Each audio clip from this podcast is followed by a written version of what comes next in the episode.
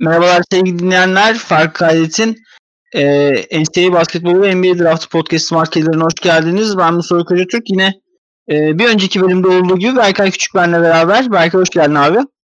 Hoş buldum abi. Ee, yine öncesinde draft şeyin yayının hiç konuşmamış gibi gidiyoruz ama. Ee, biz bugün yayınlandı e, bir önceki pod şeyimiz bölümümüz. E, o podcast'ten bu podcast'e kadar aslında drafta dair de birçok e, haber sunmaya başladık. Şimdi biz mock draftımıza devam etmeden evvel e, o haberlerden sizi bilgilendirmek istiyoruz eğer e, bir şeyseniz görmediyseniz duymadıysanız. E, ilk önce ilk yani bu aslında bir önceki podcast'imizi biraz tacı çıkaran bir e, bilgi geldi. Atlanta'nın 6. sıra pikini takaslamaya çok açık olduğuna dair. Haber geldi. Atlanta'nın bunu yapabileceğini e, herkes konuşuyordu ancak bu kadar açık olduklarını ve kimlerin o pik için aday olduğunu, talip olduğunu bilmiyorduk.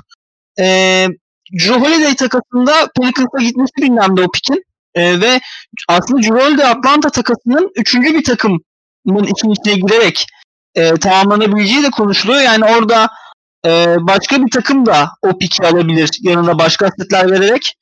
E, Minnesota Timberwolves'un 17. sıra pikini ve Jared Culver'ı masaya koydu ve bununla beraber başka bir e, lotarya piki aradığı konuşuluyor.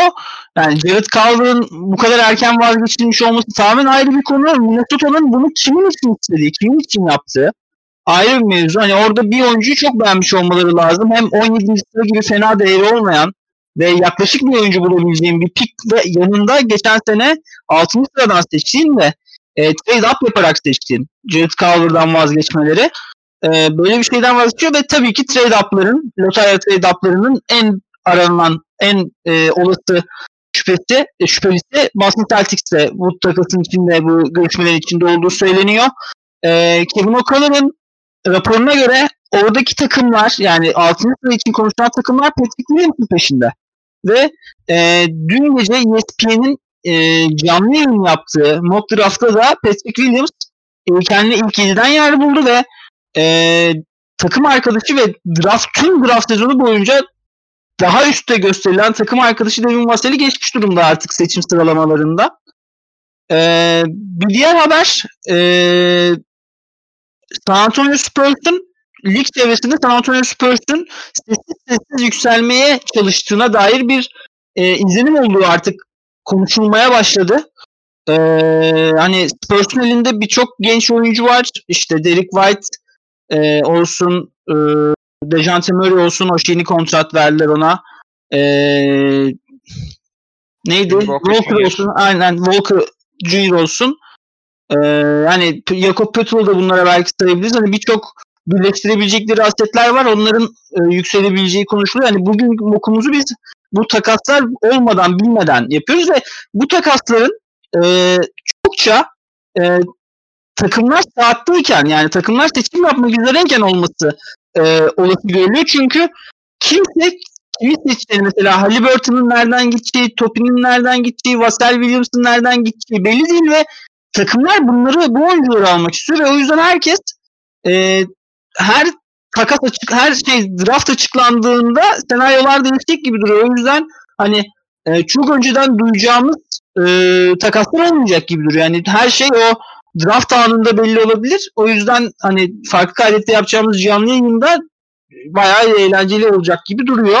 Başka bir bilgi var mı? Unuttum az önce konuşmuştuk üstünden geçmiştik ama. Abi iki tane aklıma geliyor benim. İlki Hı-hı. şu an en çok konuşulan Phoenix Suns'ın e, Chris Paul olan ilgisi ve bu ilgiden dolayı OKC'nin onların birinci turuna göz koyması. OKC e, çok fazla kontrat almak istemiyor. Rubio'nun kontratı ve Kelly Oubre Jr.'ın e, kontratında çok istemedikleri konuşuluyor ve şu an Chris Paul'la e, Suns'la görüşmesi için izin de verdiler. Resmi görüşmeler var orada. O, oradan bir ilk tur beklentileri var. En azından o kontratları alsalar bile. E, az önce senin bahsettiğin draft anında dengelerin ve dinamiklerin bir anda değişebileceğine dair e, Bulls e, writer'ı Kate yanlış bir kelime oldu ama Bulls'un en önemli yazarı Casey Johnson e, Lamelo Ball ya da Anthony Edwards'ın dörde düşme ihtimalinin çok gerçekçi bir e, ihtimal olduğundan bahsetti. Charlotte Hornets'in e, önceki yayında konuştuğumuz Onyeka Okongwu ilgisi tüm neredeyse tüm yazarların dilinde ve çok ciddi bir ihtimal olarak bakılıyor. Yani ee, şey olursa şaşırmayacağız gibi duruyor. Yani bir Lamelo ya da Edwards, e, iki Okongwu ya da Wiseman, üç Okongwu ya da Wiseman'dan geriye kalan, dört Lamelo ile Edwards'tan geriye kalan. Hani e, ilk dört hani bana aldığımız haberlerden anladığımız kadarıyla ilk dört böyle oluşacak çünkü hani Okongwu için baraj hakikaten üçüncü sıra olmuş gibi duruyor. Yani üç buçuk altı olacakmış gibi duruyor Okongwu. Ee, özellikle Kevin O'Connor'ın son raporlarını da gözün içine alırsak. Evet kesinlikle. Evet. Şimdi haberleri bir topladığımıza göre e, podcast'e geçelim. Tek sayılar e, Berkay'daydı, çift sayılar bendeydi. 7'de bıraktığımız için 8'deyiz. E, 8. sıradan New York Knicks seçim yapıyor. Eğer e, takas yap, yapmazlarsa ki e, şu bilgiyi de verelim ben seçimimi yapmadan önce. E, yeni çıkan haberler e, Leon Rose'du değil mi adamın ismi? Evet Dion Rose. Leon Rose'un e, kendi menajerlik şirketiyle anlaşan Obi Toppin'i çok istediği ve hani kolay çalışabileceği, yakın çalışabileceği oyuncuları takımda görmek istediğine dair bir haber çıktı. O yüzden hani biz seçimleri bundan önce bu haberden önce yapmıştık. Hani şu an Knicks seçimi için Obi Toppin çok e, favori durumda. Ancak benim seçimim e, Tyrese Halliburton. E, Tyrese Halliburton e, Iowa State'in sophomore guard'ı ikinci senesini oynadı. E, yaş olarak yani başka bir sınıfta olsa bu yaşı biraz soru işareti olurdu ancak e, bu sınıfta hani sophomore olmanın bir ayıbı yok. Zaten 8. sıradan mı gidecek, 9. sıradan mı gidecek kavgasındaki rakibi o bir topin 2 yaş daha büyük Halliburton'dan. E, e, Tyrese Halliburton bir oyun kurucu olarak gösterilse de bence bir oyun kurucu değil Tyrese Halliburton. Tyrese Halliburton bence 2 numara oynaması lazım. E, bu pozisyon karmaşasında aslında e, neden 1-2 muhabbetinde Şarjı Alexander'a benziyor. Çünkü e, Halliburton'ın meziyetleri topu domine ederek değil aslında ikinci yönlendirici olarak e, daha e, verimli olacak e, durumda. Yani sürekli yanında işte Chris Paul gibi, Lou Williams gibi, e, Dennis Schroeder gibi e, oyunu domine eden, topu domine eden e, kısaları isteyecektir yanında Tyrese Halliburton. E, en önemli özelliği Tyrese Halliburton'ın çok çok zeki bir oyuncu olması. Yani e, çok az sayıda hata hatalı karar veriyor. Bu e, özellikle genç oyuncular için de e, böyle sıfırdan takım yapısını inşa etmeye çalışan e, takımlar için bence çok geçer bir akçe. E, bununla beraber işte yanlış karar vermediği için çok iyi bir pick and roll e, yöneticisi. E, savunmada zayıf tarafı çok iyi savunuyor. E, spot up şutu oldukça verimli. E, ve 6-5 boyu 6-8 kanat genişliğiyle e, teorik olarak iyi bir potaya bitirici olması lazım. Ancak onu Şarjicius Alexander'dan ayıran şey bu. Şarjicius Alexander hakikaten potaya gidiyordu kolej sezonlarında. Potaya kadar deliyordu ancak biz Tyrese Halliburton'ın sürekli potaya kadar delebileceğini konuşuyoruz. Hani öyle bir e, deliciliği yok henüz. E, bunun sebebi de biraz hani ayak çabukluğu ve patlayıcılık eksiği olması. Hani biraz e, pozisyonel bir oyuncu. Oyunun kendine getirdiklerini oynayan bir oyuncu. Hani çok orada e, hani All-Star, yani Şarjız Alexander'da gördüğümüz All-Star ışını göremiyoruz. E, Tyrese Halliburton'da ancak Şarjız Alexander'ın da böyle All-Star olacak diye lige gelmediğini hatırlatmak lazım. Hani NBA'de o açılan e, spacing'de o yanında birdenbire şutörlerle işte potada potaya oturmayan boyalı alana oturmayan e, uzunlarla beraber aslında aa, zaten patlayıcıymış bu çocukta. Biz fark etmemişiz olabilir. Hani bu bu tür şeyleri işte Donovan Mitchell'da yaşadı. E, NBA NCAA'deki o geçişten faydalanma konusunda. Şarjus Alexander'da yaşadı işte ne bileyim işte Terry Rozier'da yaşadı. Hani e, bu orada soru işareti olan oyuncular NBA spacing'ini görünce birden kendilerini buluyorlar. E, en büyük soru işaretlerinden biri fiziği. Zayıf bir oyuncu, bayağı zayıf bir oyuncu. 6-5 boyuna rağmen 175 e, artık ne der, ne neydi birimi bilmiyorum. Ancak yani karşılaştırmak gerekirse Maxi'den 25 birim daha e, zayıf. E, şutu, şut stilini çok beğendiğim söylenemez. Ee, New York Knicks gibi hani tabula rasa hani neredeyse hiç e, elinde aset olmayan bir takıma karşı daha riskli bir seçim yapmak e, şey olur mu? E, geçerli o daha riskli bir seçim yapmak gerekir mi? Güzel bir soru ancak e, yani Cole Anthony ise bu risk orada çok büyük bir riske giriyorsunuz demektir. Yani Tyrese Halliburton iyi bir NBA oyuncusu olacak garanti bir oyuncu bence.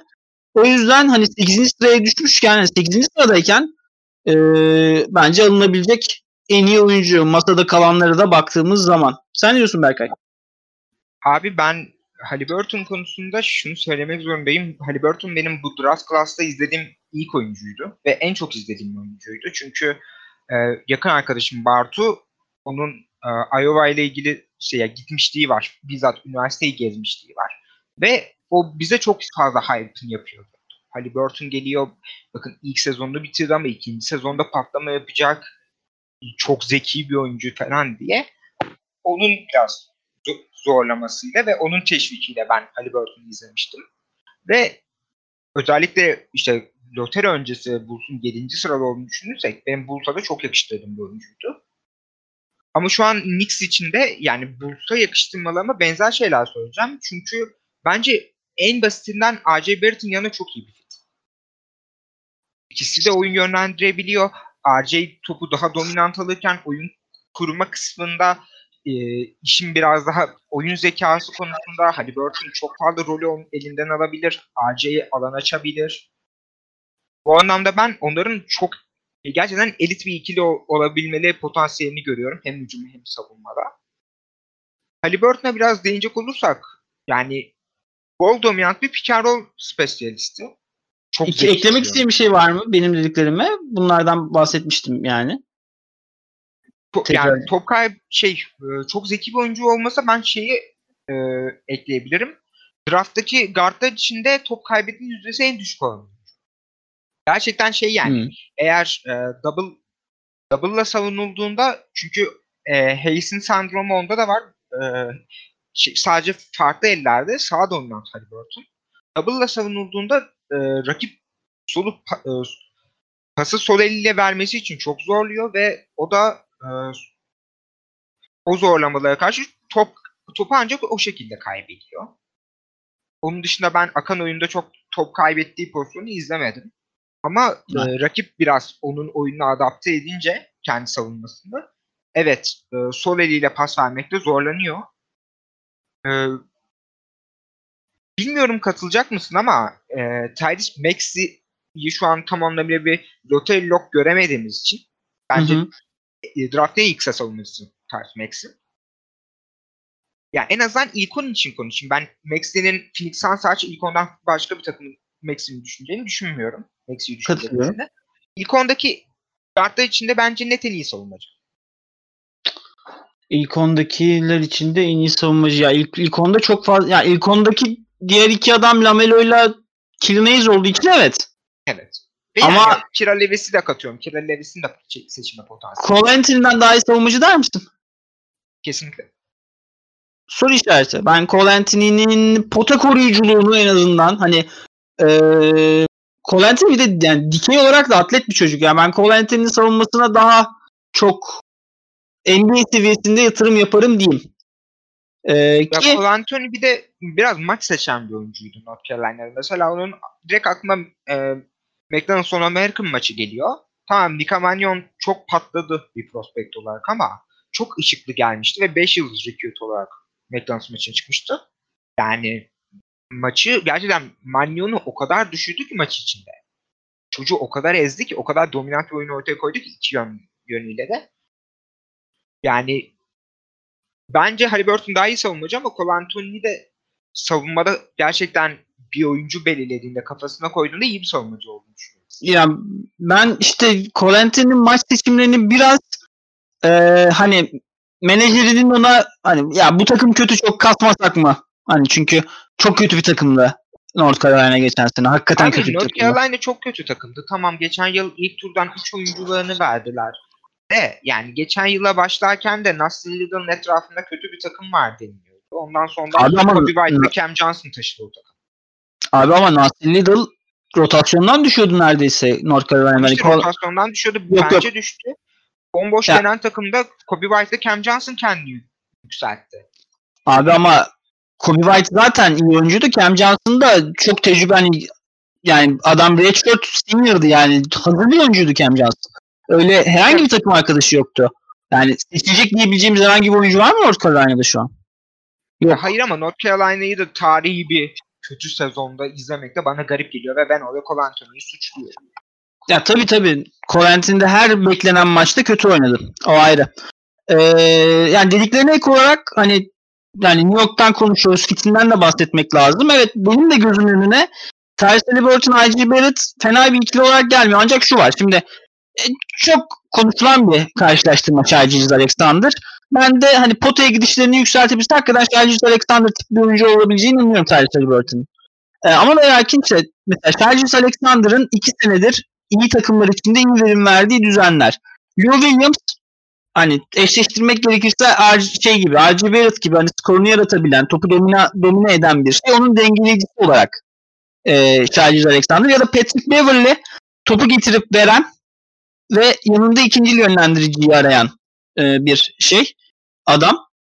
Onun yanında Shai Alexander oradan boşa kalan işleri yapıyordu. Yine e, şeyden bahsetmek gerekirse Thunder'daki şey Chris Paul pass first oradan kalan işleri Shai Alexander tamamlıyor.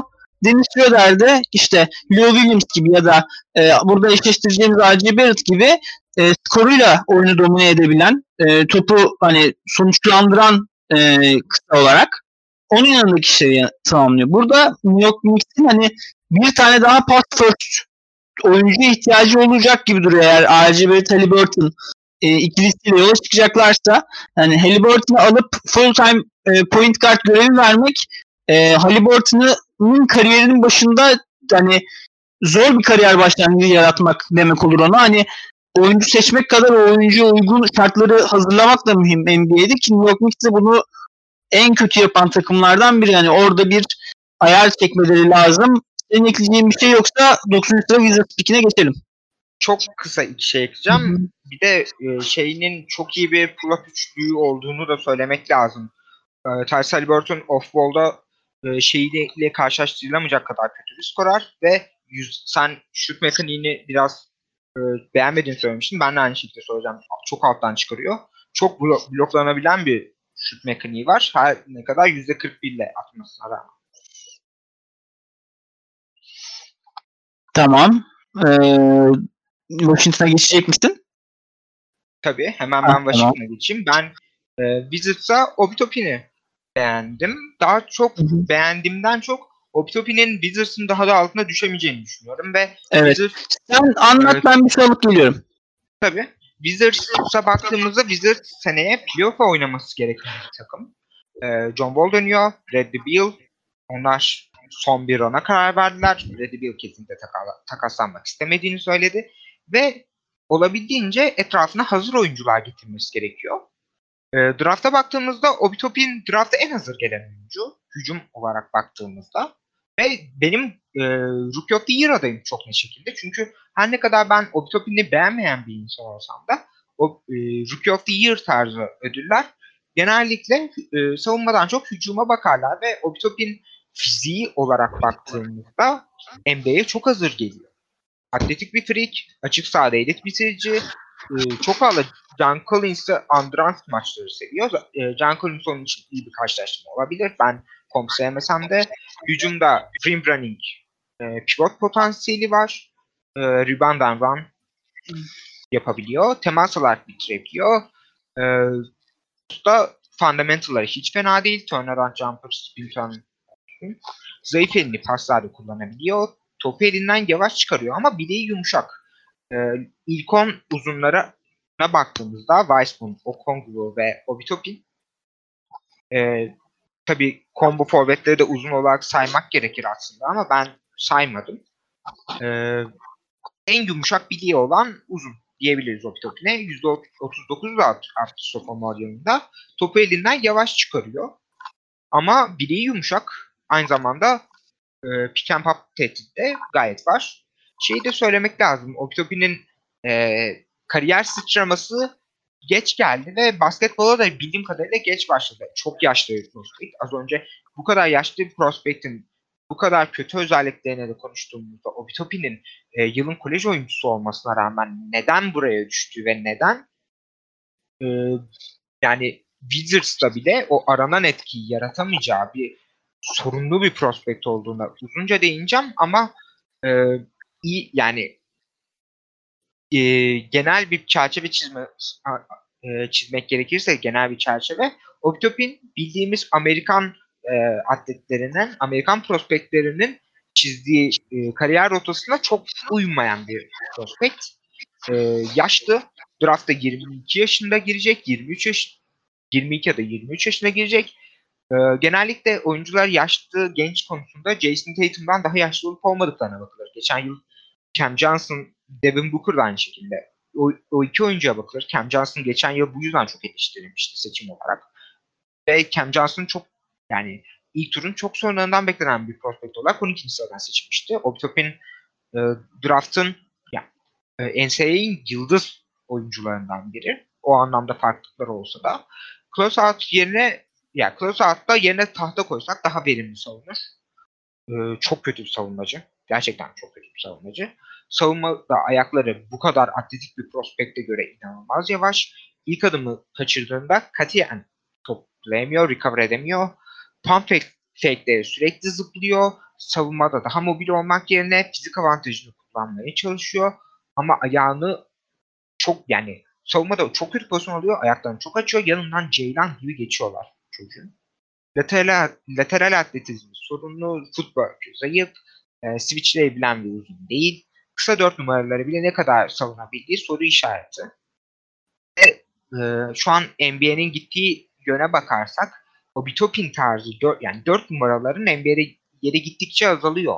4 numaralar yerini oyun kurabilen uzun forvetlere bırakıyor yavaş yavaş. Ben e, ilk podcast'te Deni Avdia'nın bir 4 numara olmasını söylerken de Deni Avdia'nın 4 numarada yaratabileceği o Bitopin gibi oyunculara karşı yaratabileceği ekstra avantajlara odaklanmıştım.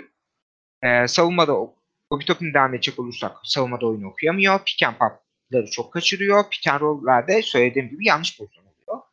Ee, pump fake'lere değinmiştim. Bu pump, e, pump fake'leri yemesinin çok önemli bir sebebi, en önemli sebebi e, çok fazla şut bloklamak istiyor. Şut blok istatistikleri fena değil ama e, şut bloklamak için yediği e, pump fake'lere bakacak olursak da blokladığı şuttan çok daha fazla sayı veriyor kaybettiriyor takımına.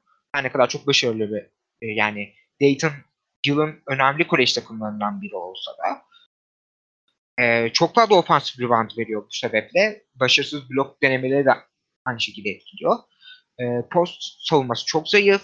E, bu kadar atlet bir oyuncunun savunmada bullenmesi bence çok şaşırtıcı. Ve çok endişe verici.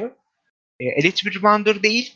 Box out yapamıyor. Şu an NBA uzunluğuna baktığımızda ya NBA uzunlarının elit bir rebound potansiyeli olması gerekir. Ya da yanındaki elit e, rebounder'a box out yapabilecek bir uzun olması gerekir.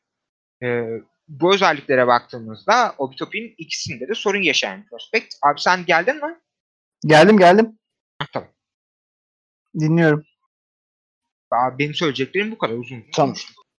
Tamam. Obitopi'nin e, yaşlı olduğundan bahsettik. Savunma sıkıntıları olduğundan bahsettik. E, geçen sene kolejin en iyi oyuncusu olduğundan bahsettik. Benim ekleyeceğim bir şey yok ne yalan söyleyeyim. E, ancak ben yani dezavantajlarını çok gözümüzün önüne al. Mesela geçen seneki sınıfta dezavantajlarını çok konuştuğumuz e, bir lotarya piki olmaya değer görmediğimiz e, Rui Hachimura vardı e, Rui Hachimura Washington Wizards'a giderek fena bir iş yapmadı. En azından o takımda kimse savunma yapmıyordu ve Rui Hachimura'nın da kötü bir savunmacı olduğunu fark etmedik en azından NBA'de ilk izleyenler fark etmediler. Hani Obi Toppin de Wizards'a giderse hani Wizards artık kim savunma yapacak bu takımda o soru işareti yani. Yani Bradley Beal geçen senenin en kötü savunmacılarından biriydi. Bunu hatırlatmakta yarar var. Tüm oyunu yani geçen sene sıfır savunma %100 hücumda çok ilginç bir oyun ortaya koymuşlardı. Çok izlenisi bir takımlardı. Ama yani abi da %50-148 maçları kaybettiler ya da kazandılar. Abi yani sağ baştan say bu şu Washington takımını. John Wall iki senedir basketbol oynamamış çıkar der yani. Hakkı da ben mi yapacağım bu takıma savunmayı? E, Bradley Beal zaten o işleri geçti. E, Davis Bertans yani zaman yeter sa- savunmasıyla öne çıkmadı. Hiçbir zaman savunması öne çıkmadı. Ayrı yeterli kalıbı falan yok yani. Ve adamın hücumda e, 80 tane perdeden koşturup hadi gel bir de savunma yap diyemezsin yani. Öyle bir E, Demen gerekiyor ama işte Bertans'ın da özellikle playoff'a geldiğimizde defoları burada ortaya çıkacak. ha, Eğer free agent'da bir playoff takımıyla anlaşırsa free agency'de. E, Rui Hachimura kötü bir e, savunmacı. Kötü bir savunmacı yani. E, Troy Brown Jr. Tamam hadi Troy Brown Jr. en azından pozisyonun gereğini veriyor. Thomas Bryant kötü bir savunmacı. Mo Wagner ligin en kötü savunmacı uzunu. Adamın savunmada yapmayı bildiği tek şey hü- hücum faul almaya çalışmak yani. Böyle bir teknik olabilir mi ya? Adam her pot- potaya yaklaşanın karşısında durmaya çalışıyor böyle. Çarpmaya çalışıyor. Yani Washington Wizards hani burada da hani Obi Toppin'i almaları, Obi Toppin Wizards'a kalırsa alacaklarına eminim. Yani kesin alacaklar. Hani senin seçimini şey yapmak amaçlı demiyorum ancak Washington Wizards'ın e, şu soruya artık cevap vermesi lazım. Bu takımda kim savunma yapacak yani? E, hani o yüzden Washington'ın e, biraz da farklı bir yola girmesi gerekiyor gibi bence. Ancak Obi Toppin kalacaksa da ki bizim okumuzda kaldı. e, kesinlikle seçilecektir. E, bana geldi. Alıyorum lafı. Hı hı, tabii. 10. sırada Phoenix Suns var. Phoenix Suns'ın ta- yani pikini takaslamak konusunda çekingen bir takım olmadığını biliyoruz. Bu piki e, Terry Rozier için de göndermeye çalıştılar bir önceki sene. E, bu sene Luke Kennard için göndermeye çalıştılar. Hani adamlar late lotaryadan bu kadar böyle oyuncular için vazgeçebilecek e, bir şeye sahipler. Front office'e sahipler ve e, Chris Paul takası masadayken ve Chris Paul takasına yaklaşmışken e, bu piki e, kullanmaya kullanmaktan çekinmeyeceklerdir. O yüzden hani bu pik Phoenix Suns'ta kalmazsa şaşırmayız. Ancak bu piki Phoenix Suns seçecekse eğer benim e, buradaki seçimim Devin Vassell olacak. E, Devin Vassell'in e, bu sınıfın en değerli prospektlerinden biri olduğu e, sıkça konuşulan bir mevzu. Geçen sene Florida State'de çok iyi bir sezon geçirdi. E, oynadığı basketbol yani tamamen NBA'in yani modern NBA'deki dördüncü, beşinci adam olmak için e, yani çok onun için yaratılmış böyle onun için e, kilden böyle şekil verilmiş gibi bir adam. Hani e, modern NBA dediğimiz şeye çok uyuyor. E, iyi bir takım savunmacısı. E, zayıf taraf savunmasını çok iyi yapıyor. Pota koruyucu, pas kanallarına şey yapıyor. Kısaların e, şey e, rotasyonda sağı karşında kalabiliyor. Recovery'leri hızlı yapıyor. Savunmada istediğiniz her şeyi neredeyse yapabiliyor ve bununla beraber e, o emek gerektiren şeylerde hani ortada kalan toplarda %50-50 e, pozisyonlarda da e, çok istekli. E, bununla beraber çok iyi bir spot up şutörü.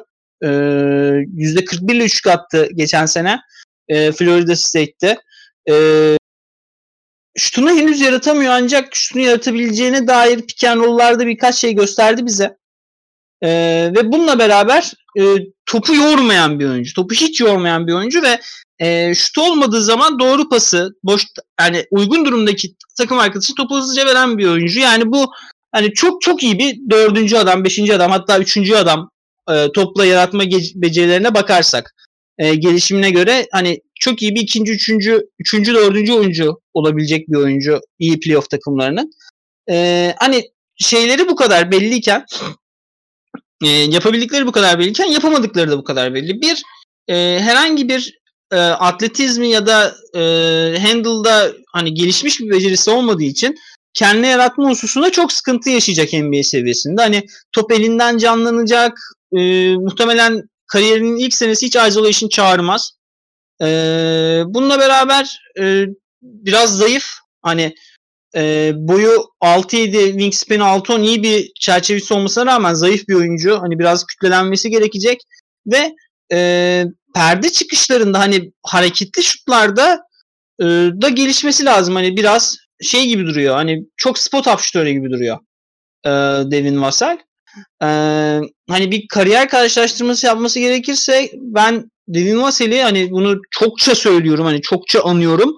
E, çaylak sezondaki Jason Tatum'a çok benzetiyorum. Hani e, Jason Tatum lige girdiği zaman çok iyi bir kanat savunmacısı, atlet bir savunmacı, pota koruyan bir savunmacı ve e, bununla beraber sadece spot up atarak %50 spot up üçlükle girmişti sezona ve e, o Kyrie'li Jalen Brown'un çıkış yaptığı sene El Horford'un hücumda Boston Celtics'teki en fazla rolü aldığı sene o senedir.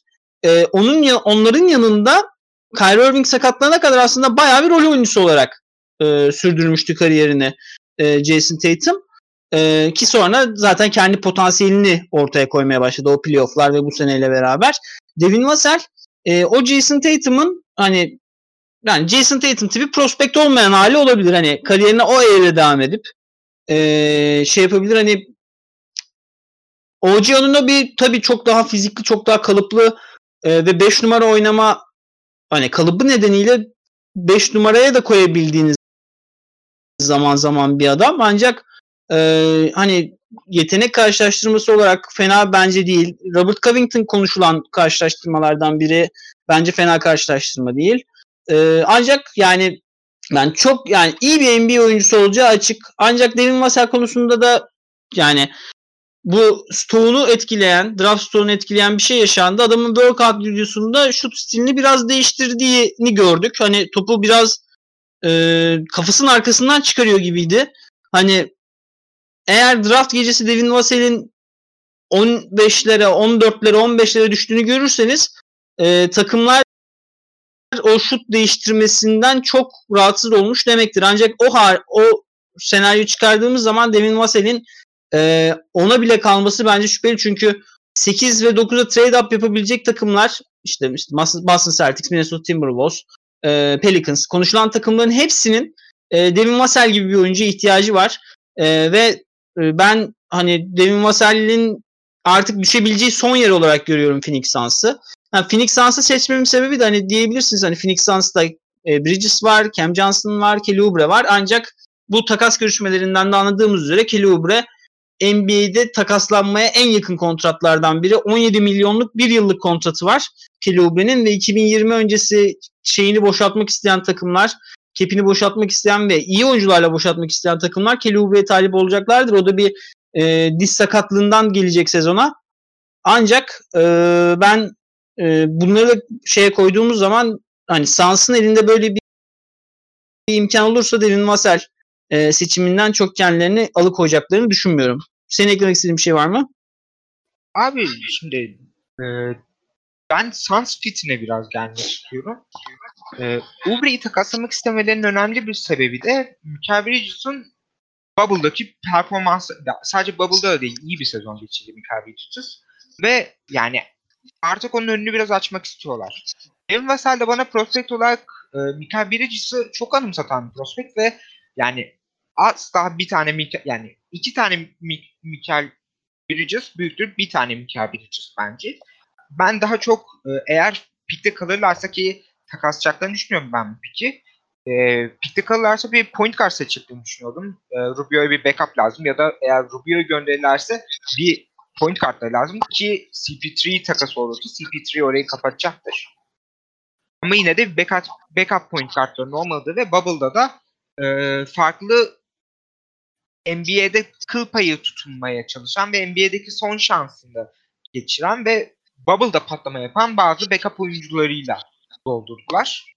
Gelecek projeksiyonu o oyuncularla çizecekler bilmiyorum. Ben e, biraz şüpheliyim o konuda. Ama ben fit olarak yani kötü, kesinlikle kötü bulmuyorum Devin Vassell'i. Yani çünkü her NBA takımının e, Devin Vassell gibi prospekte ihtiyacı vardır bence. Her ne kadar çok iyi kanat oyuncular hal hazırda elinde olursa olsun. E, sen zaten çok iyi özetledin. E, core ve upper body çalışması gerekiyor. Ona bahsettin. E, ben çok kısa şunu söyleyebilirim. E, bu draftta e, kanat ve forvetlere baktığımızda tabanı en yüksek oyuncu Devin Vassell. Fakat oyun kurucu potansiyelinin çok düşük olması kolejdeki çünkü bir e, kanat oyuncusunun, bir yıldız oyuncunun e, skor sıkıştığında oyunu tek başına topu eline alıp taşımasını beklersiniz. Devin Vassell e, Florida State inanılmaz bir sezon geçirirken e, genellikle kendisini hücumda gizleyip savunmada öne çıkıp maçları çeviren e, hücumda e, spot up şutlarıyla yani keçen şutlarıyla daha çok şut üzerinden skorunu üreten bir oyuncuydu. O nedenle e, şu an NBA'nin modern NBA'nin en çok ihtiyacı olan pozisyon ve tüm NBA takımlarının bir tane elit e, oyun kurabilen çift yönlü forvet oyuncusu elde etmeye çalıştığını düşünürsek e, Devin Vassell'in bu draftta Denavdiye ve e, Isaac Okoro'nun gerisine düşüren bu oldu. Ama yani tabanı da özellikle playoff takımları için çok cazip geliyordur mutlaka. Ya da hali hazırda elit e, e, Tabii. elit e, bireysel üreticileri olan takımlar bir tutkal olarak Devin Vassell'i çok değerli görüyorlardır ve görmek görmeleri gerekiyor çünkü sonuna kadar değiyor. Değen bir prospekt o anlamda. Dört pozisyon savunabiliyor. Draft'ın en mobil savunmacısı, e, en teknik savunmacısı, adımları savunmada çok hızlı, e, kısa guardlara karşı çok iyi duruyor. Foul prone değil. Yani daha ne söyleyeyim? Yani sophomore olmasına rağmen yaşı da iyi. 19 yani 20 yaşına Evet, yeni 19 girecek. sadece. 20 yaşına yeni girecek. Yani ya ben Boston Celtics taraftarıyım. Bu drafttaki yani takımda görmek istediğim en iyi yani en görmek istediğim 3. ya da 4. oyuncu Devin Vassell yani trade up e, mevzularını konuştuğumuz zaman. Mesela ben Boston Celtics taraftarı olarak Tyrese Halliburton'dan daha çok isterim. Devin Vassell'i takımımda 3 tane All-Star seviyesinde kanat olmasına rağmen.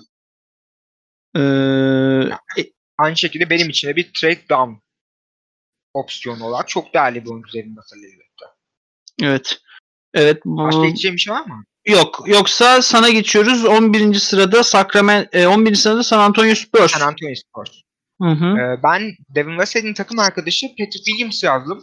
Ee, neredeyse bir iki aydır Spurs ve Patrick Williams birbirine çok yakıştırılan prospektler. Ve o anlamda baktığımızda ben Spurs'un trade up target olarak da yükselen e, Patrick Williams hype'ını göz önünde bulundurarak Patrick Williams'ın artık onun için bir trade up opsiyonu haline bile dönüşmüş olabileceğini düşünüyorum. Çünkü e, Amerika hem Amerikan medyasında hem e, scoutlardan gelen bazı haberlerde Patrick Williams'ın artık e, draft stoğunu gitgide zirveye çıkardığından bahsediliyor. Biz e, zamanda seninle konuşurken ben Mokuma 11 yazmıştım ve sen Reach demiştin. Şu an bir Reach olmaktan çıktı Patrick Williams. Evet. Ee, Patrick Williams'tan biraz bahsedecek olursak o ilk sezonunu geçirdi. Freshman'dı. 19 yaşında yine aynı şekilde. 6-8 boyu 6-11 wingspan'i var. Ee, savunmada atletik kısalığın karşısında ne kadar durabildiği soru işareti olsa da uzun wingspan'in avantajını savunmada sonuna kadar kullanan bir oyuncu. Savunmada 4-5 rahatlıkla savunabildiği gibi pivo- pivot savunma potansiyeli de var. Ee, Patrick Williams gibi prospect özellikle mesela trade down target olarak Minnesota Timberwolves'un bence çok ilgisini çekiyordur. Ayakları yavaş değil, yardım savunmasında zeki, savunmada pas kanallarını iyi okuyor. Ee, bu draftın tüm elit e, forvetleri, kanatlarında bahsettiğim side shot özelliği onlar kadar elit olmasa da kendisinde de mevcut. Ee, çok temiz bir release form var. Ee, maçlarda çok fazla şut denemiyordu. Yani deniyordu, yüzdeli de sokuyordu ama e, ritim şutör değildi. Yani maç içinde 3-4 tane üçlük attığını, 3-4'ten fazla üçlük attığını çok görmüyorduk. Ee, bence tavanda 4 oynaya kullanışacaktır. Ee, Bolanding'e elit olması da fena değil. 4-5 pick and roll oynama potansiyeli var. NBA scoutları e, 4-5 pick and roll oynayabilecek, iki uzunu da pick and roll oynayabilecek uzun partnerlerini yaratmada çok hevesliler. Elit katış te- temas al- alarak da bitirmeyi çok seviyor. Ee, biraz olumsuz özelliklerine gelecek ol- olursak e, her ne kadar e, yani Florida State ilginç bir takımdı. Bence e, geçtiğimiz kolej sezonunun en, en izlemesi eğlenceli ve aynı zamanda en ilginç takımıydı. E, şu ana kadar konuştuğumuz tüm prospektler e, Avdiya Ağaç, Avdiya rolünü sezon içinde kazandı Maccabi'de ama Avdiya Ağaç diğer oyuncular hep takımları için e, taşıyıcı unsurlardı. Ama Patrick Williams bench'ten gelen bir 6. adamdı. Her ne kadar takımın en çok süre alan 4. oyuncusu olsa da ve e, baktığımızda Devin Vassell'le e, sürelerinde 2-3 dakika oynuyor. Ama e, kalabalık bir kanat forvet rotasyonu olan e, Florida State'de bench'ten geliyordu. e, ham bir bitirici. O wingspan'e bir oyuncunun yani wingspan'e bakarak 6-11 wingspan olan bir oyuncunun çok daha iyi bitirmesini beklersiniz kolej, kolej düzeyinde. Soleli'yle bitiremiyor.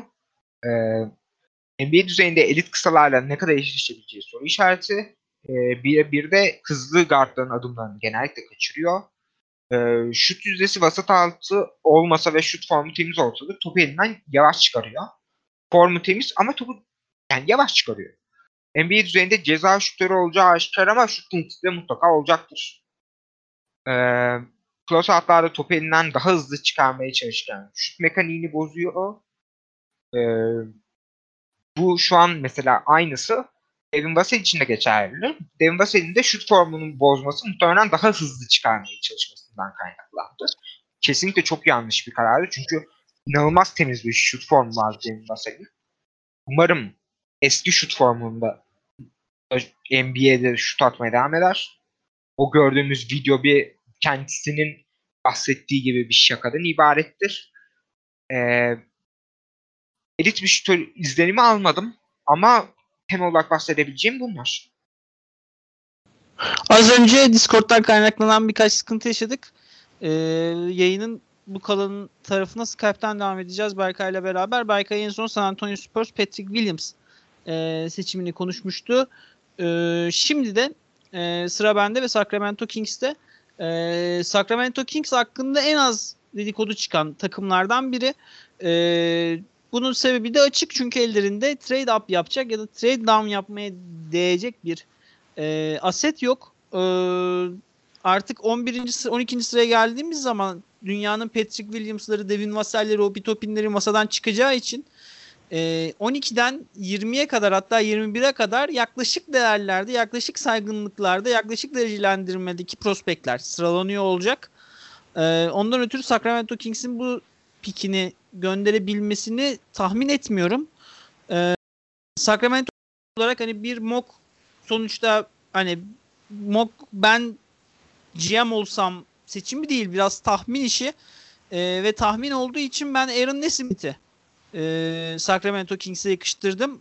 E, Sacramento Kings'e yakıştırmamın sebebi bir e, bas potansiyelinin çok yüksek olması. E, iki e, takımın kullanmayı sevdiği ve aslında yani kalmak istese tutmaktan da memnun olduğu ki iyi kontrat verdiği Buddy Hill'da bu drafttaki en benzeyen oyuncu olması. Aaron Smith'i ünlü hani Aaron Smith'i bilmemizin sebebi çok e, az maç oynadı Vanderbilt'ta sakatlığından ötürü ancak e, 155 üçlük atışta bu sezon %52.2 isabet buldu. Yani absürt bir şut yüzdesiyle geliyor ve e, aslında Aaron Smith'e dair övebileceğimiz tek şey de bu. Yani şutunu farklı farklı sebeplerle ödebiliriz. Evet e, derinden uzaktan üçlükler atabiliyor. Evet perde çıkış üçlük atabiliyor. Evet üçlünü yaratabiliyor. Evet spot up üçlük atabiliyor. Ancak e, başka herhangi bir özelliğinin yani en iyi yaptığı ikinci şey ne sorusu bence soru işareti. E, fena bir atlet değil. 6-6 boyu 6-10 kanat genişliğiyle pas kanallarına basabilecek bir oyuncu. E, çok güçlü bir üçlük tehdidi olduğu için close out'lara da hani daha kolay yaklaşıyor. E, daha kolay saldırıyor. Ama ve lakin hani şutunu kenara koyduğumuz zaman başka bir özelliği belki yani oyun motorunun bile belki iyi olduğunu söyleyebilirim. Ee, kötü özelliklerine gelecek olursa üçlüyü bulamadığı zaman yani closeout doğru yapıldığı zaman e, oyundan var yani pozisyondan vazgeçiyor. E, yeteri kadar atlet değil. E, savunmada kısaların karşısında ayak çekme konusunda ki bir muhtemelen kariyerini bir full time 2 numara olarak geçirecek NBA'de. E, pasör değil, oyun görüşü yok, alan görüşü yok. Yeterince zeki mi? Yani o bile soru işareti. Şimdi o da işte mesela geçen seneki Vanderbilt prospekti Darius Garland da erken sakatlandığı için onun için de çok kesin yargılarda bulunamamıştık. Aaron Smith de erken sakatlanıp e, sakatlık öncesi hype'ıyla girecek drafta ve onun için de çok e, kesin ifadelerde bulunamıyoruz. Hani kesin ifade bulunabileceğimiz tek şey iyi şutör olma, oldu. Ancak e, NBA'de hani sahada kalabilmek için e, tek özellik şut olmuyor yani. Davis Bertans geçen sene San Antonio Spurs tarafından hiçbir şey karşılığında takaslandı yani. Ki Davis Bertans NBA'de her an iyi bir şutördü. Hani Aaron Nesmith de sahada kalmak konusunda sıkıntı yaşayabilen iyi bir şutör olabilir ancak e, işte Buddy Hield'ın öyle ya da böyle gönderilecek olması e, ve Sacramento Kings'in aslında Buddy Hield'dan hoş, Buddy Hield'a sahip olmaktan mutlu olması. Bununla beraber işte e, işte şeye kontrat Harrison Barnes'a kontrat gömülmüş olması yani bir kanat oyuncusu düşünürler mi ki artık hani masada da çok kanat oyuncusu kalmadı bu noktaya geldiğimizde hani Leandro Bolmaro'yu mu, hani, mu tercih ederler hani e, hani Bogdanovic ve e, De'Aaron Fox'ı düşündüğümüz zaman hani onlar muhtemelen e, Buddy Hield'ın replacement'ını arayacaklardır. E, daha iyi bir oyuncu tiplemesi kalmadığı için.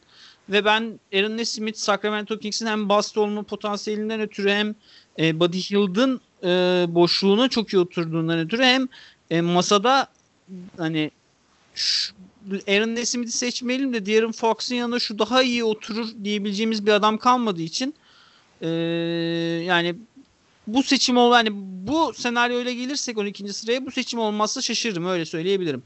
Senin eklemek istediğin bir şey var mı Aaron Nesmith'e dair?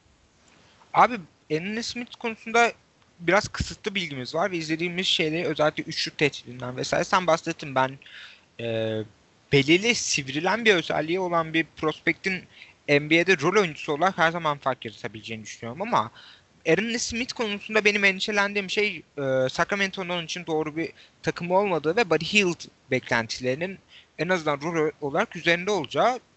E, buna biraz şu şekilde geleyim. E, Sacramento Kings e, bu e, bubble dönemini kapsıyorum. Onlar bubble'da oynamadı ama e, tüm genel bir dönem olarak alacaksak işte pandemi dönemi diyeyim daha doğru olur. Pandemi döneminde en çok takım içi kargaşa yaşayan takımdı e, perde arkasından. Uzun zamandır devam eden bir Marvin Bagley yani takım içinde bir ikiye bölünme var. Ee, Bogdanovic ve De'Aaron Fox birbirlerini çok seviyor. Çok iyi arkadaşlar fakat e, takımın geriye kalanıyla mental olarak Bielitsa'yı da katarsak onlar dışındakilerle biraz bağları çok kuvvetli değil ve Marvin Bagley'nin e, Marvin Bagley ve babasıyla sorun yaşadıkları söyleniyor. Marvin Bagley'nin babasıyla De'Aaron Fox'ın e, sosyal medyada dönen bir kavgası olmuştu. E, daha sonra bunların üzerine e, Bogdan Bogdanovic'in bir contender takımda prime'ını geçirme düşüncesi var. E, Vlade Divacic'e gittikten sonra başkanın bir e, takım sahibinin bir sırp olmasını geride bırakacak olursak takımdaki o şey e, Yugoslav topluluğu, Yugoslavların takımı algısı kırıldı orada. Bogdanovic geleceğini geçinmek ister mi emin değilim. Onu bir kenara bırakacak olursak e, De'Aaron Fox konusunda da benzer şeyler söyleniyor. E, tüm takım arkadaşlarını sosyal medyadan kapatma falan bunlar klasik şeylerdir. Bir sürü oyuncu hakkında duyarız ama bu şeyler üst üste birikince De'Aaron Fox'ın da gelecek konusunda endişeleri olduğu söyleniyor ve e, evini de satışa çıkarmış. Orada da bir yani Kings e, bu yaz tüm oyuncularını teker teker e, kaybetme riskiyle karşı karşıya kalabilir bir takas isteği gelirse. Durumlar böyle olunca Aaron Smith'ten de beklenti artacaktır. Ben Aaron Smith'in Nesmith'in daha çok belirli bir role sıkışıp o rolü çok edit oynayabilecek bir oyuncu olduğunu düşünüyorum. Ama e, savunma sıkıntıları da onun sahada kalmasını engelleyecektir. Benim Aaron Smith konusunda bireysel olarak söyleyeceğim daha fazla bir şey yok ama takım olarak iyi bir fit olduğunu düşünmüyorum. Yani ya ben ben bilmiyorum Aaron Smith'in yani bu sıralarda gösterilmek için kötü bir prospekt olduğunu inanıyorum Aaron Smith'in. Ben yani, bir lotere prospekti olduğunu artık inanmıyorum. Ben de inanmıyorum ancak e, muhtemelen seçilecek yani. Mock yapıyorsak bunu da göz önüne koymak lazım. Bence James Wiseman da bir lotarya prospekti değil ancak seçilecek yani. E, Aaron Smith'i de öyle değerlendirmek lazım. E, istersen 13. sıra Pelicans'a geçelim. Tabii. Ee, abi biz seninle belirlerken aslında Jalen Smith demiştim ben sana ama ben değiştirmek istiyorum. Tabii buyur. Çünkü e, evet Jalen Smith e, hücumda potansiyeli olan bir uzun. Üçlük tehdidi var. Eğer savunmada ve hücumda e, gösterdiği ışıntıları sahaya dökebilirse Zion'a müthiş bir partner olur. Fakat geçen yıl e, Pelicans ilk turdan Zion'a partner olması için bence upside'ı daha yüksek olan bir oyuncu seçmişti. Ve ben bir yılda e, Minnesota Timberwolves'un Culver'a yaptığı saçma biz senden biz artık çıksak mı Culver'dan sadece bir rookie sezonun sonucunda bu kadar keskin bir yargıya varacağını düşünmüyorum ben Pelicans yönetiminin. Jackson Jackson Hayes'e karşı. Evet Ha. Jackson Hayes'e karşı. Ve ben o yüzden onlara R.J. Hampton yazdım. Oo güzel. Tamam. Benim pikimde dağılmadı. Ee, ve işte R.J. Hampton'dan biraz bahsedecek olursak R.J. Hampton bu tarafta dair izlemesi en zor olan oyuncu. Çünkü her ne kadar YouTube'da istediğiniz kadar Lamelo'nun maç görüntülerini highlight olarak bahsetmiyorum. Maçlarını bulabiliyor olsak da çünkü Lamelo Ball 11 Instagram takipçisi olan bir oyuncu ve herkes onu izlemek istiyor. R.J. Hampton daha iyi bir takımda. New Zealand Breakers değil mi? O NZ Evet. New Zealand Evet New Zealand Breakers. çok daha iyi bir Avustralya Ligi takımında daha anlamlı roller alırken şu an biz e, Al Hampton'ın maç içi görüntülerine daha az ulaşıyoruz. Ben sadece Lamelo'ya karşı oynadığı maçın görüntülerine erişebildim. E, biraz kendisinden bahsedecek olursak 6-5 boyu 6-7 wingspan'i var. E, ve ya bence hücum potansiyeli hiç fena olmayan bir oyuncu. E, çok atletik draftın en atletik oyuncularının başında geliyor. E, istikrarlı bir oyuncu olup olmayacağı, hücum potansiyelini sahaya ne kadar dö- dökebileceği ve hücum potansiyelinin aslında ne olduğu onun biraz NBA'deki kaderini belirleyecek. Çünkü fiziksel olarak bence yani bahsedebileceğimiz tüm fiziksel özel yani atletik atletizm olarak yaklaşacaksak tüm tool'lara sahip olsa da e, bunları sahaya ne kadar dökebildiği çok soru işareti. E, savunmada özveri eksikliği var. Yardım savunması inanılmaz sıkıntılı. Ze- Zach Lavin kendisine yapılan çok büyük bir benzetme. Comparison olarak çok geçiyor. Ben hücum potansiyelini Zach kadar iyi görmüyorum. Ama savunmada da Zach Lavin sendromuna yakalanmış bu arkadaşımız. E, yardım savunmasında hiç parlamıyor. Belki yine Avustralya Ligi'nin bize verdiği bir algıdır diyeceğim. Ama ben NBA seviyesinde de iyi bir yardım savunmacısı olacağını düşünmüyorum. Ve yani birebir savunmayı evet geliştirebilirsiniz. Zeklavin de birebir savunmasını geliştirdi ama yardım savunmasında fark yaratmadığın sürece sen iyi bir savunmacı olarak ligde anılmıyorsun. Ee, kendisi de, de Combine'daki Zoom görüşmesinde doğru comparison olarak Zeklavin'e örnek gösterdi. Bence kalan oyuncular içinde upside en yüksek olan oyuncu ve fit olarak bakacak olursak da Drew Holiday'i artık iyice takas görüşmelerinde görürken ve e, Lonzo Ball gibi birden fazla pozisyon savunabilen ve yanındaki guard e, guard partnerinin de açıklarını kapatabilen bir guard ellerinde varken ben e, Lonzo ile iyi bir ikili olabileceklerini düşünüyorum. E, Lonzo'nun delicilik sıkıntılarını AC Hampton'ın iyi kapatabileceğini düşünüyorum. E, ve baktığımızda yani AC Hampton topu elinde seven bir oyuncu, topu elinde isteyen bir oyuncu, topla yaratabilen bir oyuncu. Pick üzerinden de ben pas potansiyelini hiç fena görmüyorum. Ama e, genel olarak gelecek yılın Pelicans'ına baktığımızda Curu'yu masadan çıkarttığımızda bence bir, bir tane daha elinde top isteyecek oyuncu onlara çok zarar vermeyecektir ki R.J. Hampton'ın hücum potansiyelinde yani off-ball potansiyeli de var. Şut mekaniği bence çok düzgün. Ben biraz daha bu sıralara geldiğimizde Pelicans'ın upside'a yatırım yapacağını düşünüyorum. Hı hı. Yani e, şimdi biz mock'u yaptığımız zaman Drew Holiday takası hani bu kadar en azından konuşulmuyordu.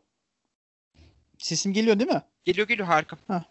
E, bu kadar konuşulmuyordu ki hani şimdi düşündüğümüz zaman rotasyonunu da Pelicans'ın eğer Drew Holiday masadan kalkarsa e, bu seçimin e, bir kısaya yapılması da muhtemel yani Jalen Smith yerine.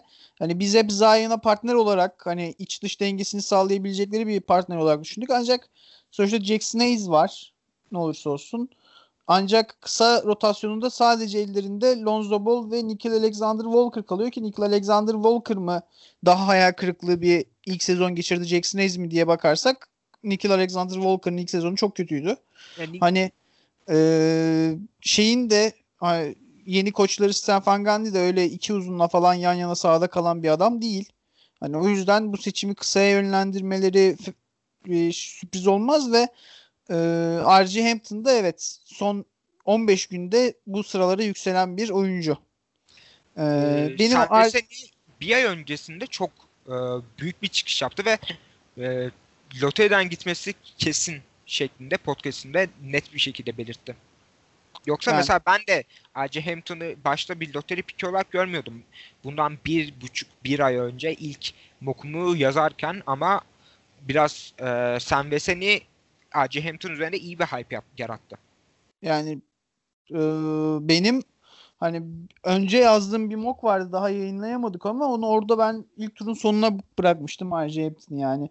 Öyle bir durumdaydı. Benim R.J. Hampton'a dair ekleyeceğim tek bir şey var. E, geçen sene e, New York New Zealand Breakers e, Oklahoma City ile bir hazırlık maçı oynadı. Orada NBA fizikleriyle karşılaşınca R.J. Hampton'ın e, savunma defoları çok fazla çıktı ortaya. En büyük sıkıntısı e, rakibi karşılamayı bilmiyor. Yani rakibi göğsüyle karşılamak yerine böyle e, hani omzuyla falan karşılıyor, teması üretiyor. Yani stansa oturma konusunda ve rakibe sürekli yüzünü dönme konusunda soru işareti var. E, o yüzden e, biraz hani kariyerin ilk dönemlerinde takımına zarar verecek bir oyuncu olabilir. R.J. Hampton diyebilirim. Kesinlikle katılıyorum. Sadece e, şunu eklememiz gerektiğini düşünüyorum. Ya daha doğrusu biraz iyi polis kötü polislik yapacağım yine. A.J. Hampton kariyer maçında savunmada e, Lamelo Ball'a karşı oynadı.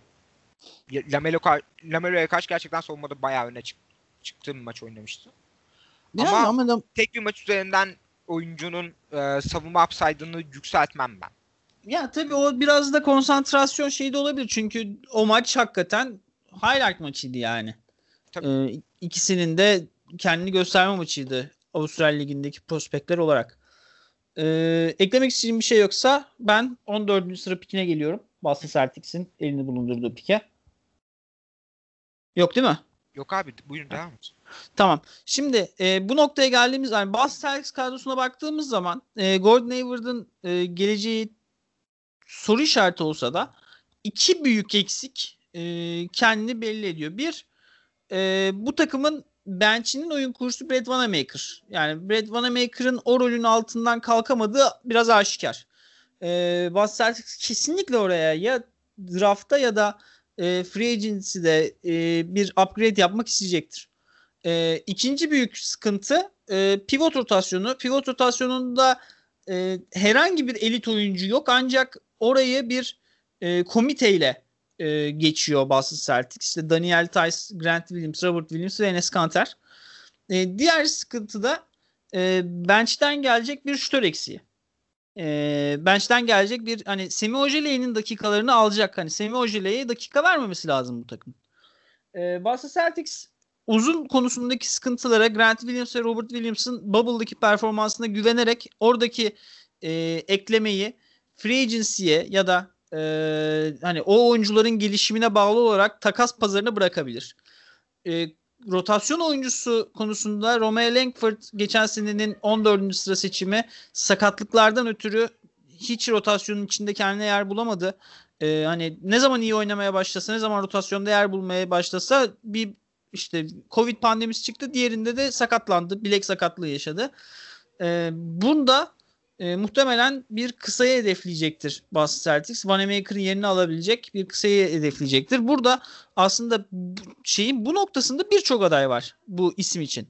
İşte e, Tyrese Maxey olabilir e, bu isim hani bir bir oyun bir numara olmadığı için bir numara değil ancak Marcus Smart'ın varlığını düşününce orada süre alabilir. Kira Lewis olabilir. Cole Anthony olabilir. Cole Anthony hani oyun stili olarak da e, benzeyen bir oyuncu. Az önce senin seçtiğin R.J. Hampton konuşulan bir isimdi e, bu şey için, e, bu sıradaki seçim için.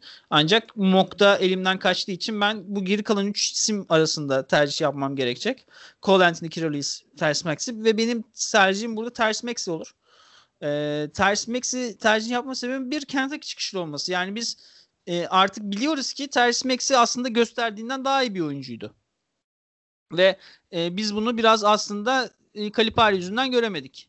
E, ki işte bu late lotaryadaki Kentucky piklerine de baktığımız zaman Tyrese Maxey'nin hani bu şeye uyuyor olması, bu markada uyuyor olması hani diğerlerine göre bir hakikaten tercih sebebi olabilir.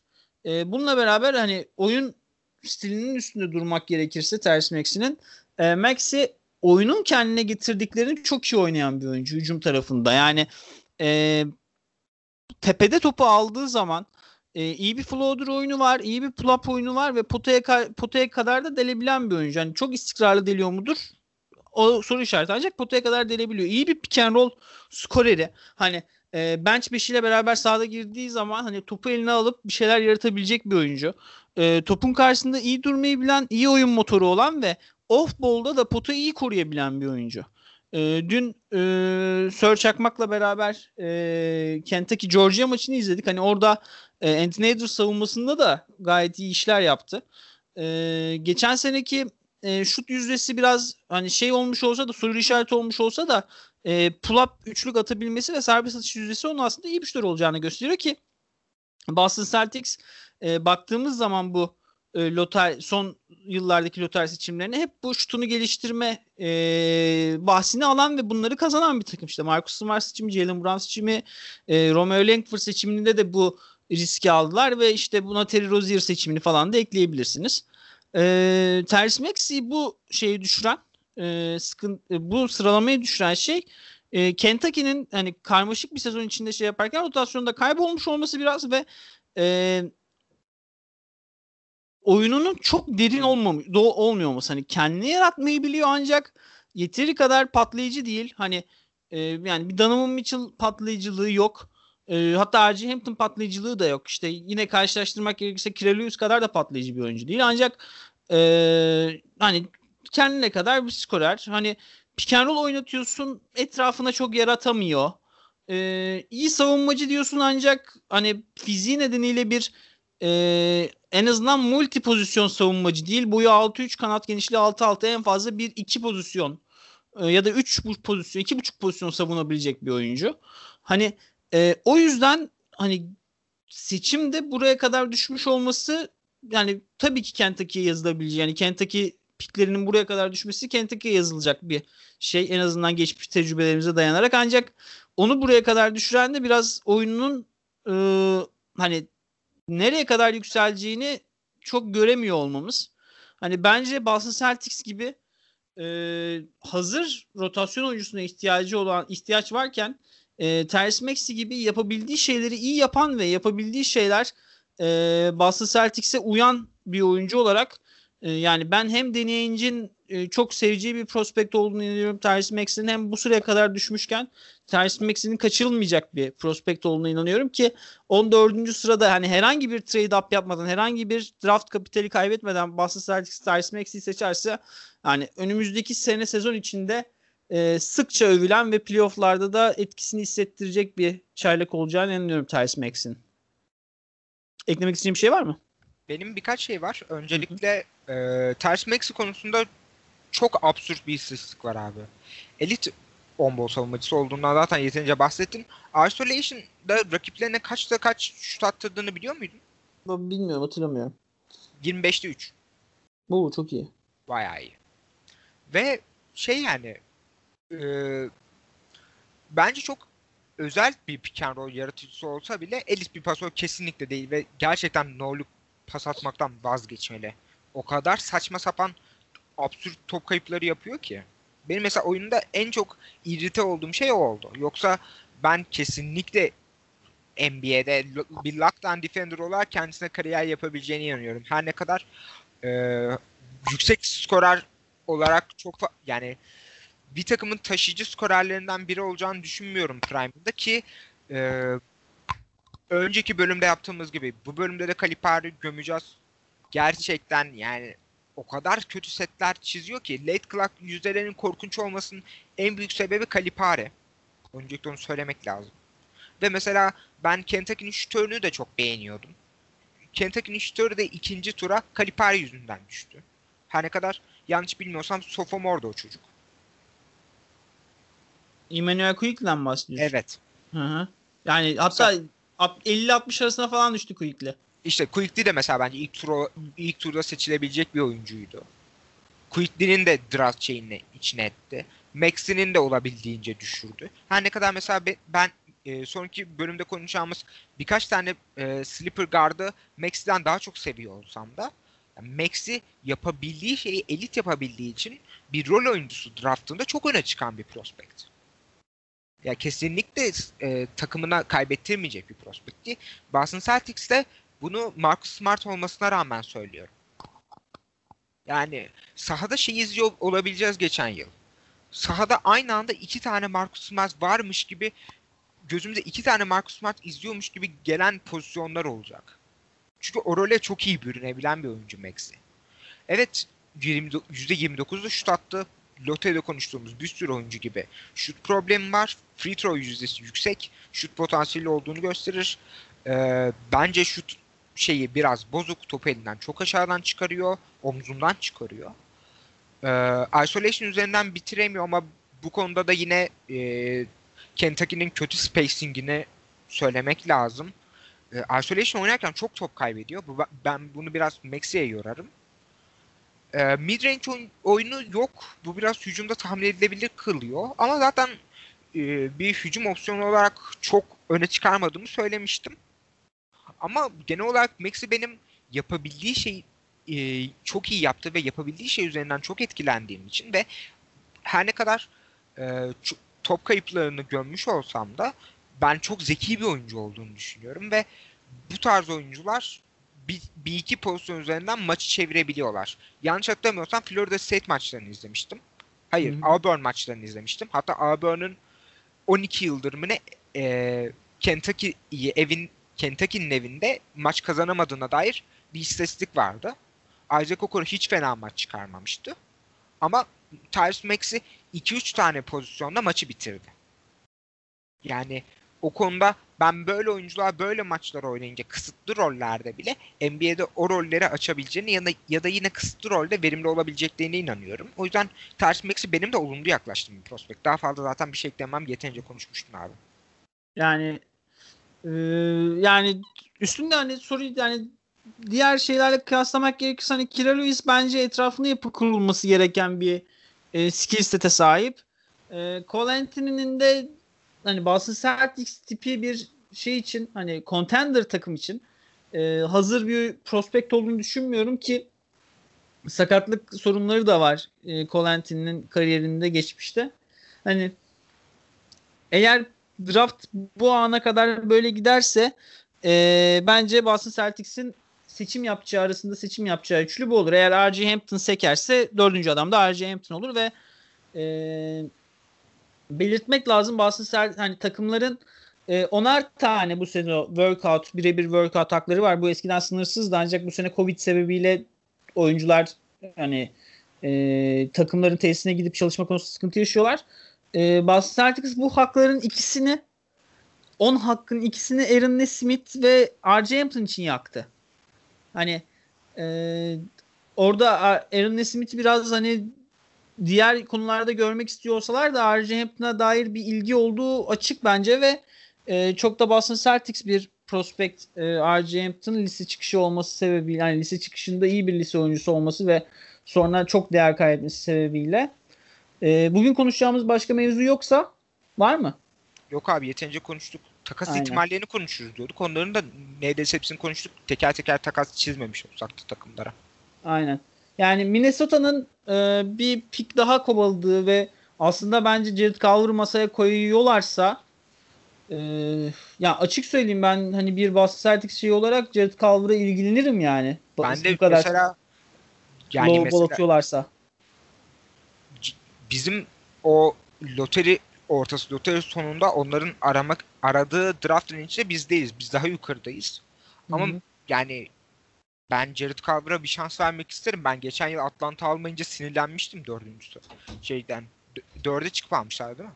E, evet dördü çıkıp DeAndre Hunter almışlardı. Mesela ben DeAndre Hunter evet kolej finalinde Texas Tech'i yenip şampiyon oldu.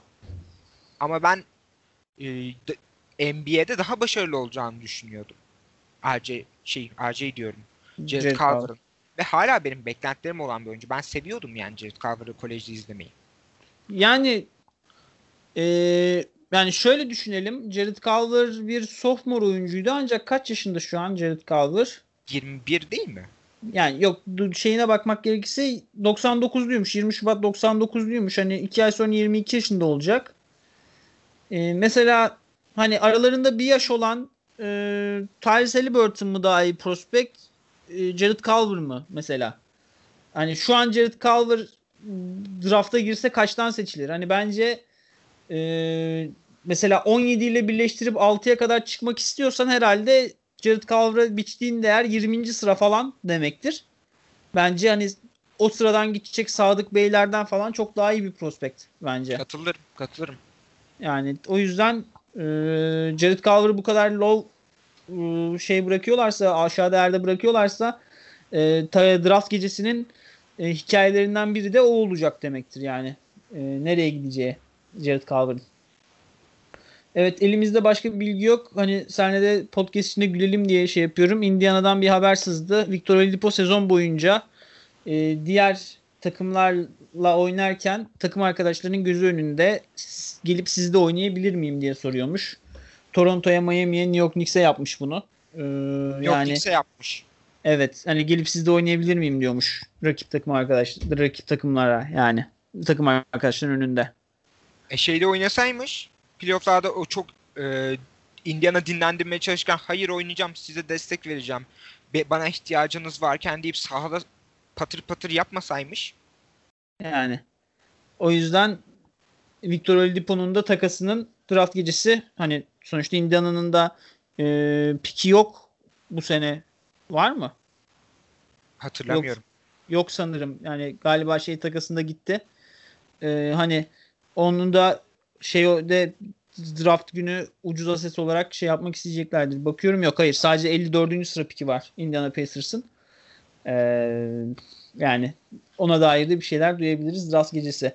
Evet İn- abi Lok. Ben- şey, ben- Mok- Şey e, çok kısa e, Oladipo hakkında şey söyleyeceğim. Oladipo'ya takas paketi çıkarmaya çalışacağıma Anthony Edwards'a takas paketi çıkarmaya çalışırım. Ben çünkü şu an şu anki değeri Anthony Edwards'ın Oladipo'dan daha fazla. tabii Aset tabii olarak. canım. Oladipo'nun Oladipo ama çok ucuz olacak muhtemelen. Yani sadece yani çok ucuz olup çok iyi sezonda geçecektir muhtemelen. Evet o şey yani şu an Indiana Pacers için iki ucu boklu değnek gibi duruyor. E, çok Abi ilginç olacak. Evet. E, mock draft'ta e, katıldığın için teşekkürler. Ben E, teşekkür ederim. Bundan sonraki podcast'te Slipper'ları konuşacağız. Bu da şeyden önceki son podcast'imiz olacak. Draft'tan önceki son podcast'imiz olacak. Draft anında bir canlı yayın eğer internet bağlantısı bizi sıkıntıya sokmazsa düşünüyoruz ve sonrasında da bir reaksiyon podcast'imiz olur illa. E, daha hani anlık reaksiyondan ziyade biraz okuyarak konuşarak yaptığımız. E, dinlediğiniz için teşekkürler. Bir sonraki Çok kısa bir bölümde- şey ekleyebilir miyim? Tabii ki. Zaten e, draft sonrası biz Hotel olarak gireceğiz. San Antonio ekibimiz e, Farkayt'in San Antonio ekibi Anıl Canlar podcast'e girecek. Ne var New York ekibi Devlet ve e, Uluç abi podcast'e girecekler. Aynı Bizim, şekilde bizim pikimiz var. Evet, Bittiklerimiz var. siz de muhtemelen reaksiyon podcast'ine Aynen. gireceksiniz. Aynı şekilde e, draft öncesi e, mock draft projemiz var. Gerçekleştirebilirsek çok güzel olur. Yani şey e, yazılı içerikler ayrı zaten. Hani Aynen, onlar ayrı konuşmak gerekir doğru haklısın. evet evet. Onlar hani çokça da yani bu bir hafta içinde birçok içerik gelecek diyor planlıyoruz en azından. Evet o içeriklerde görüşene kadar hoşçakalın. Hoşçakalın.